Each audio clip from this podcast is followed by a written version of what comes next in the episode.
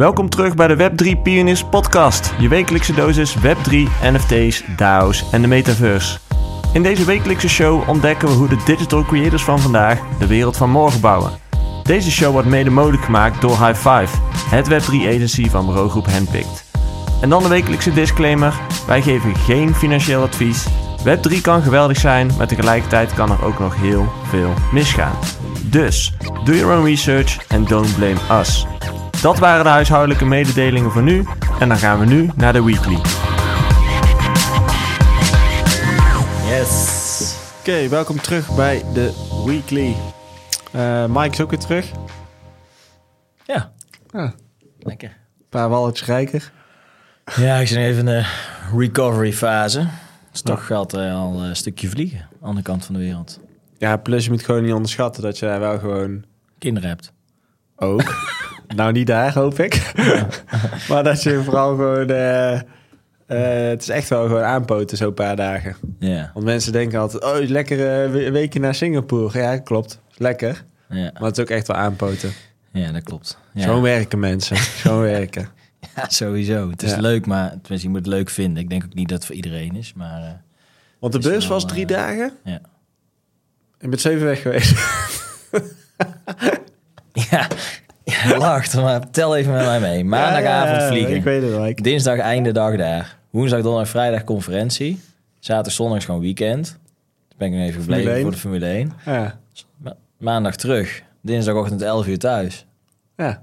ja, klopt. Dus inderdaad. Maar goed, En, ehm, want je bent dan gisteren, gisterenochtend. gisterochtend thuisgekomen. Ja. Ja. dan zit je nog goed in je jetlag. Ja. Lekker. Heerlijk. Ehm, zijn er daarna, want ik heb jou vorige week gesproken natuurlijk, toen zat je er middenin. Of het was de afsluitingsdag van eh Token 2049. 2049. Ehm, zijn er nu een week later nog andere dingen waarvan je denkt, daar heb ik toch, dat is toch ook nog wel mee eh, naar huis gekomen. Dat is blijven hangen. Ja, heel eerlijk. Het is een beetje cliffhanger voor de luisteraar. Maar ik heb zoveel indrukken opgedaan dat ik vaak gewoon alles noteer op het moment dat het eh, in mijn hoofd zit. En ik moet het allemaal nog even processen en structureren en doen. Dus eh, ik weet eigenlijk niet eens meer waar we het over hebben gehad vorige week. Vooral eh, stablecoins, Ja. dat, je, dat die al heel populair waren. Ja. ja, misschien nog wel een inzicht ehm, is dat je in Azië eigenlijk ziet dat mensen nog steeds heel erg bezig zijn met het bouwen van infrastructuur. dus nog niet zo heel erg met het concept wat je bovenop die infrastructuur gaat bouwen. Laat staan het vermarkten van dat concept.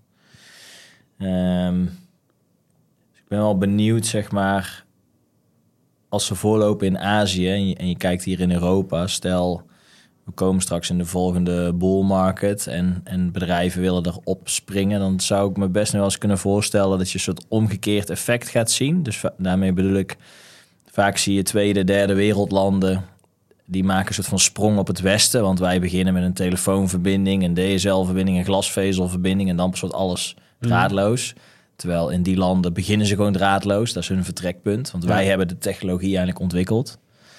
En misschien dat zoiets hier ook wel gebeurt. Dat, dat hè, op het moment dat wij eh, hier in Europa straks eh, bepaalde dingen willen gaan doen, dat we gewoon de infrastructuur gaan inkopen. En eigenlijk die stappen dus Ja. overslaan, omdat ze daar, daar gewoon eh, succesvoller in zijn geweest. Ik had het hier afgelopen week met iemand over dat wij als Westen eigenlijk een soort van nadeel hebben dat we eigenlijk vanaf de basis begonnen zijn. En veel regeltjes hebben. Ja, want wij hebben eigenlijk een enorm gigantisch blok aan ons eh, been hangen, wat gewoon de oude wereld is. En de, de Aziatische wereld zegt gewoon, onze nullijn ligt hier en dat is 5G, om het zo maar te zeggen. Weet je wat een mooi voorbeeld is, denk ik? Hier had ik het over met, eh, met iemand die ik daar ontmoette. Gewoon, ik landde op Singapore op het vliegveld en ehm, niks moeilijke sfeer, niks agressief, niks gestrest. Hè? Voor degene die wel eens naar Amerika vliegen, moet je dat voor de grapjes doen. Moet je telefoon in de rij uit jouw dingen Precies, dat is echt ongeveer het tegenovergestelde experience. Daar is, gewoon, ja, daar is gewoon iedereen eh, chill. En ehm, daar hebben ze allemaal iPads staan. En dan kan je dus je, je registratieformulier bij de douane kan je invullen op zo'n iPad. En dat is een normale iPad, Zonder hoes, zonder bescherming, zonder iets. Ligt daar gewoon op tafel. Er staan twee, drie mensen bij op een gewone website. En dat werkt voor geen meter. Die iPads zijn helemaal niet gemaakt om duizenden mensen per dag op te laten drukken en doen. Dus die schermen zijn halve bak. Die websites, die, die, die elke keer als je ergens op tikt of zo, dan springt hij een veld verder. Mm. Of gewoon UX-technisch allemaal niet zo lekker. Maar die mensen helpen je gewoon even vrolijk verder. Die weten precies wat er wel en niet werkt. Mm. Die zijn gefrustreerd soms over dat daar hun baantjes, die, die mappen zo'n iPad helemaal stuk. Snap ik. Maar het resultaat is, je kunt daar dus wel helemaal digitaal gewoon intekenen. Tegen de kosten van een iPad van een paar honderd euro. En ik vind dat als reiziger helemaal fijn. Dat wordt gewoon voor mij gedaan. En ik ben na twee minuten weer onderweg. Ja.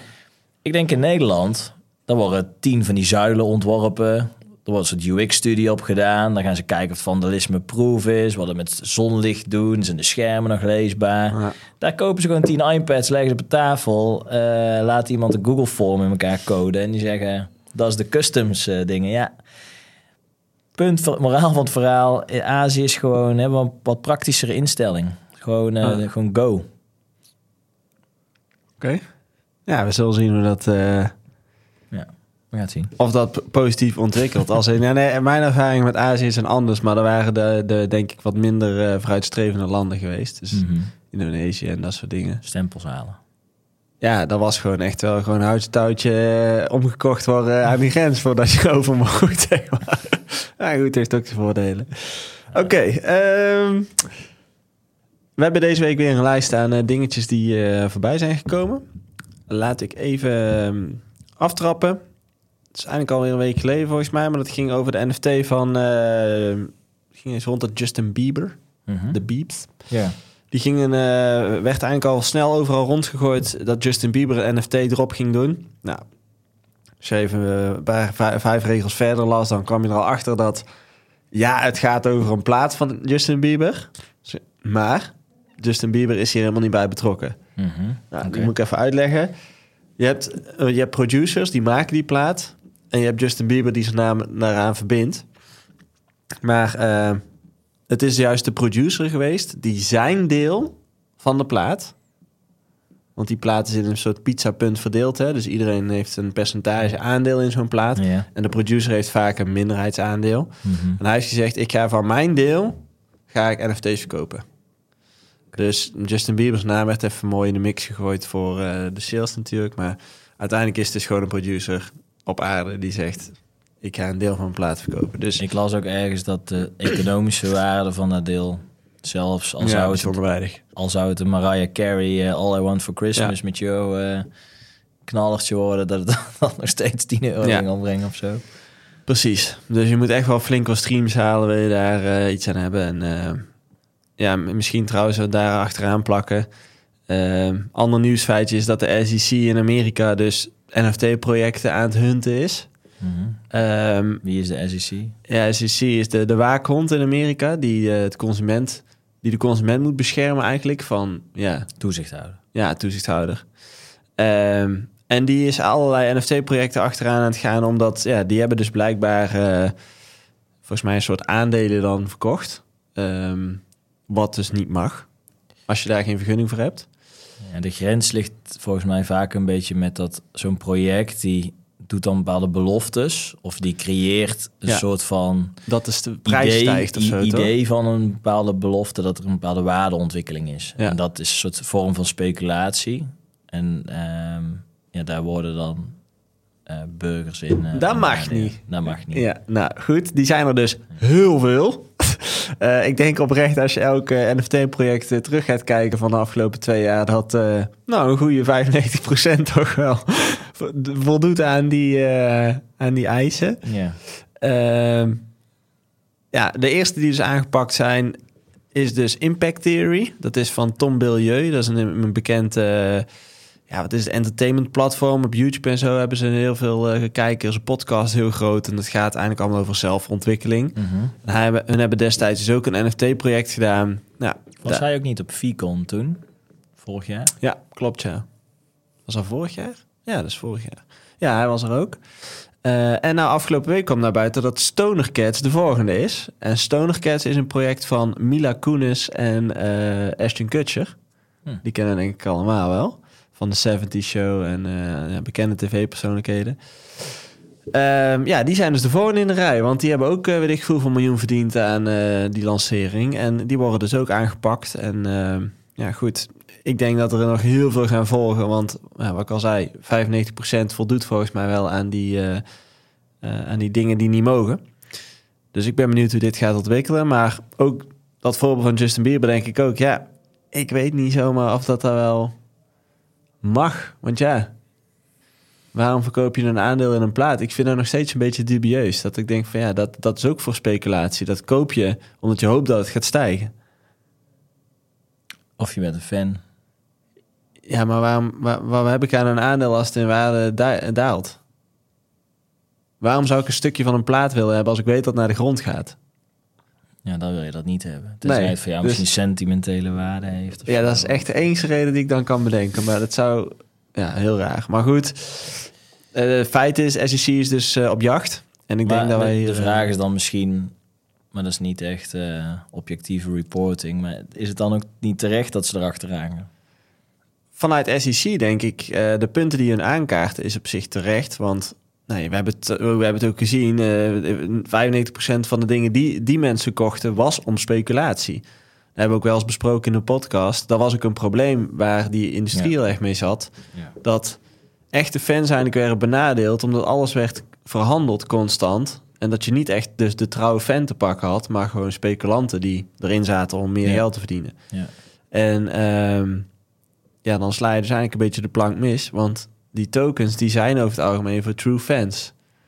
Dus ja, dan, ik denk dat ze ergens wel een punt hebben. Um, maar goed, het is wel interessant om in de gaten te houden, want dit is toch wel um, ligt wel redelijk aan het fundament van die NFT-projecten. Dus als hun hier succesvol in zijn en die projecten dus succesvol uh, kunnen neerhalen, mm -hmm. recht, recht, uh, recht technisch zeg maar, ja, dan uh, zullen we toch met z'n allen weer eens moeten gaan kijken hoe hoe dat soort dingen dan wel moeten gaan opbouwen. Ja, ik, ik denk dat uh,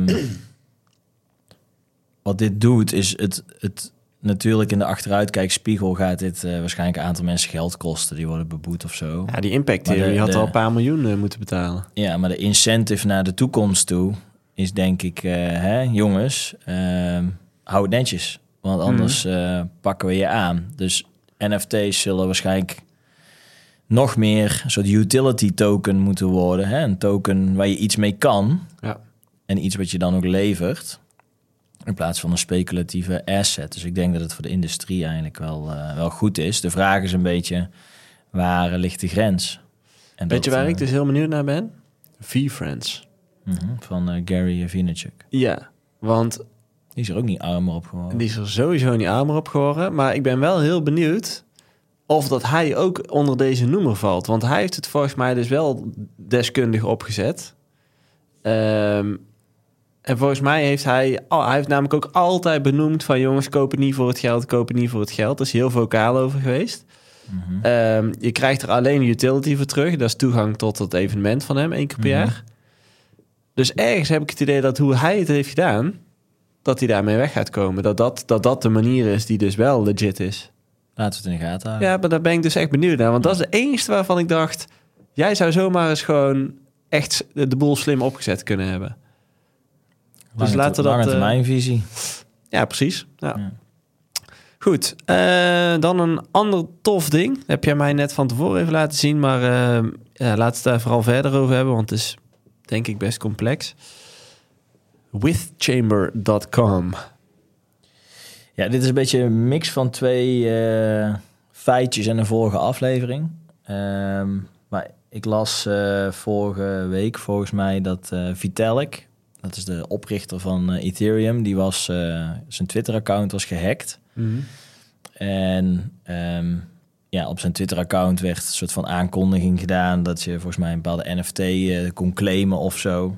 Nou, ja. dat was een soort phishing aanval en die, die mensen hebben 700.000 dollar of zo uh, buit gemaakt. Alleen de vraag is natuurlijk, hoe kan het nou dat iemand die zo slim is, Vitalik zelf, die echt wel het een en ander weet over security. hè. Mag kopen. Hoe kan het nou zijn dat zo iemand dus toch blijkbaar hè, ge- gehackt wordt voor zo'n scam? Ja. Nou, dat, heb- dat heeft hij ook uitgezocht en het lijkt erop dat het een soort, ze noemen dat een SIM-swap eh, attack, dat, dat het via T-Mobile is gebeurd.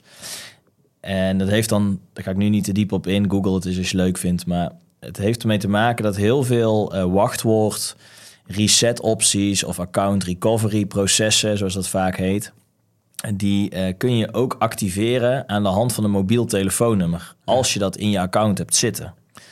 Nou, zoals we weten, en dit was dus een van de vorige eh, afleveringen die we ook hier bij de podcast hebben gehad over security.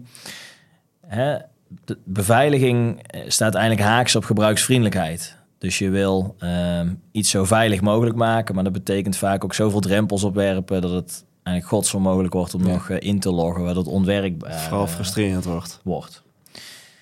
Dus ja, hè, waar komen dan die drie dingen in samen? Ik denk één, security blijft heel belangrijk. En hoe zorgen we ervoor dat het gebruiksvriendelijk wordt, zonder dat het in de security aantast. En anderzijds, ja, zie je denk ik als het een gerichte aanval is bij zo iemand als Vitalik, ja, als ze iemand bij T-Mobile zo gek krijgen om, eh, om dingen eh, aan te passen. Want het is eigenlijk een vorm van social engineering noemen ze dat. Dus gewoon Ja. de mensen van de helpdesk of zo bewerken.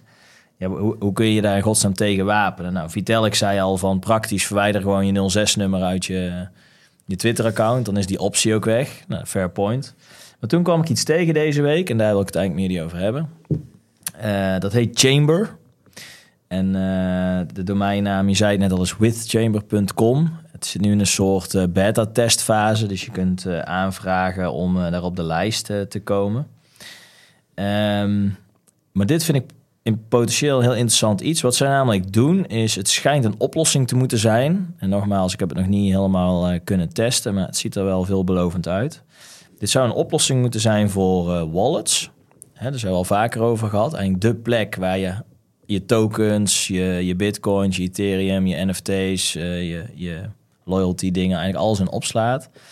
Dat moet je in een wallet doen. En die wallet, daar kan je vaak kiezen tussen een hot wallet of een cold wallet. Een hot wallet zit in je computer en is verbonden met het internet. En een cold wallet is dan vaak een soort USB-stick-achtig ding. Dat noemen we ook wel een ledger. En die is dan niet verbonden met het internet. En die zijn dus veiliger. Dus het idee is, als je het goed wil opzetten, moet je eigenlijk cold wallets gebruiken. Maar daar heb je het weer. Gebruiksvriendelijkheid is niet lekker. Maar je hebt altijd het ding nodig. Je moet altijd eh, ondertekenen. Nu is er iets nieuws. Dat heet eh passkeys. Dat is eigenlijk een cryptografische eh, tool. Dat ga je denk ik steeds vaker zien, hoop ik ook in de toekomst, op allerlei diensten. Van Google, van Apple, van Ja, Apple de hele, hadden het er al over over, de hele Op de website. En passkeys gaan eigenlijk wachtwoorden vervangen. Hm. Jawel, mensen. Onze hele wereld hangt samen van wachtwoorden. Eh, en die hebben we straks niet meer nodig, dankzij passkeys. En ehm, Google dat ook gerust is hoe dat eh, verder werkt. Maar het idee is eigenlijk dat eh, bij een passkey, zeg maar, sla je eigenlijk nooit meer iets op waarmee je kan inloggen bij de product of dienst waar je wil inloggen. Dus stel, ik maak bij Coolblue een account aan.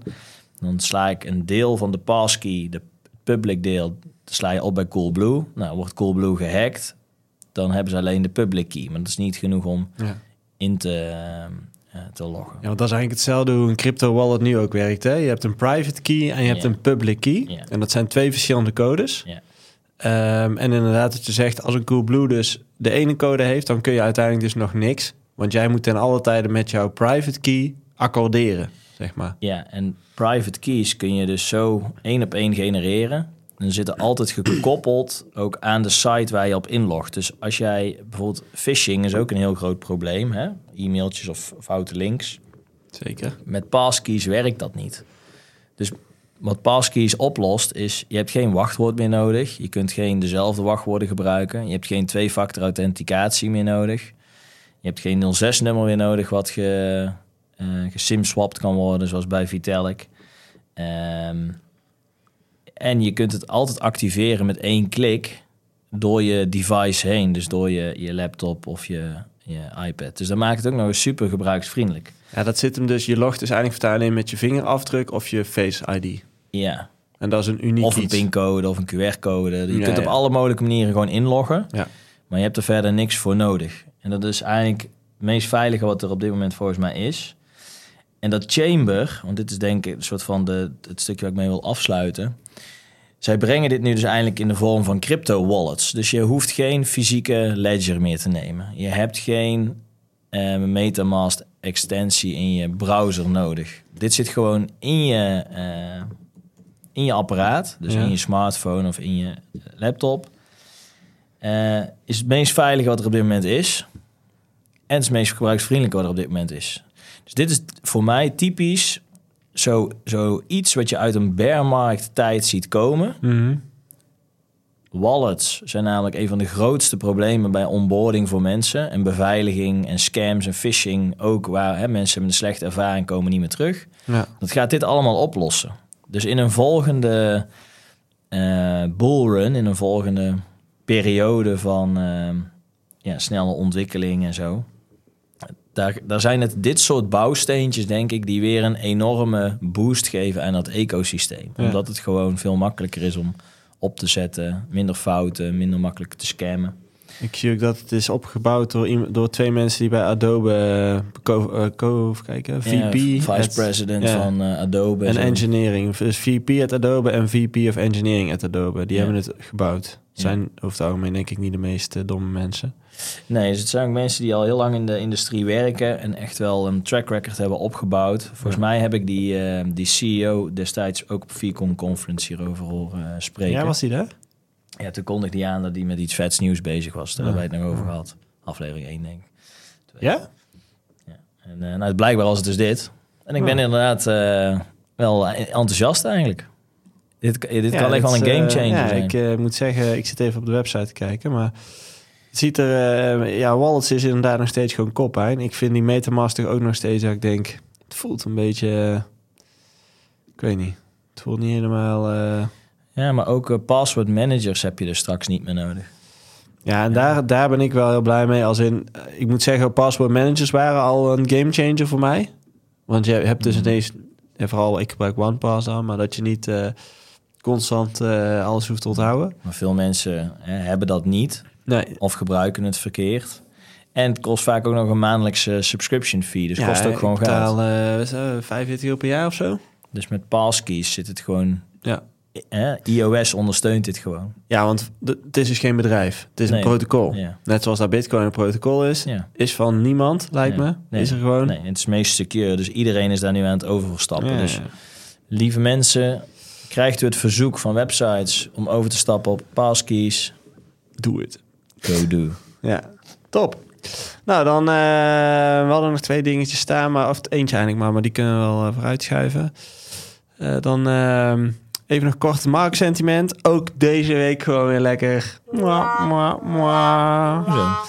Nou ja, ik weet niet of jij die eh, afgelopen week die candle omhoog hebt gezien en een dag later diezelfde candle gewoon weer naar beneden.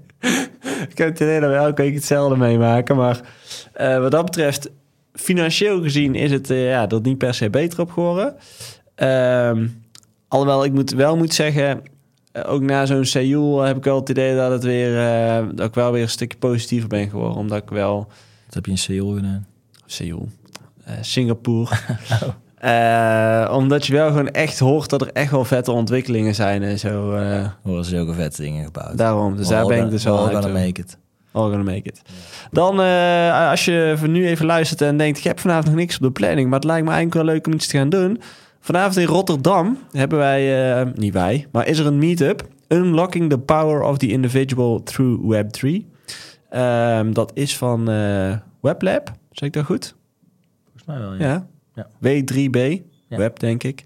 Eh, en dat is in Microlab Rotterdam. Dus mocht je nou vanavond denken... ik heb wel zin om eh, even wat eh, slimmer te worden... onder misschien het genot van een biertje... dan kun je naar het Microlab in Rotterdam. En ehm, ja, wie weet... heb er nog nooit iets aan? Hè? Ja, op meetup.com staat eventueel ook de, Ja. de, hele Klopt. programma. En vergeet ook niet... eh, Bitcoin Amsterdam is alweer over... wat is het? Drie, vier weken. Ehm, en ik zag dat... Had Bitfavo nou... Mhm. Bitfavo had een speciale actie, toch? Bitfavo community tickets of zo. Ja, Dus als je nog voor een mooi prijsje wil gaan, dan kun je daar, eh, kun je daar eens naar kijken. Kun je per dag volgens mij een kaartje kopen voor, eh, ik geloof iets van 80 euro of zo. Ehm, kijk er rust even naar. En dan zijn wij eh, volgende week weer terug met een nieuwe gast. Dank voor het luisteren. Ja. En tot de volgende keer.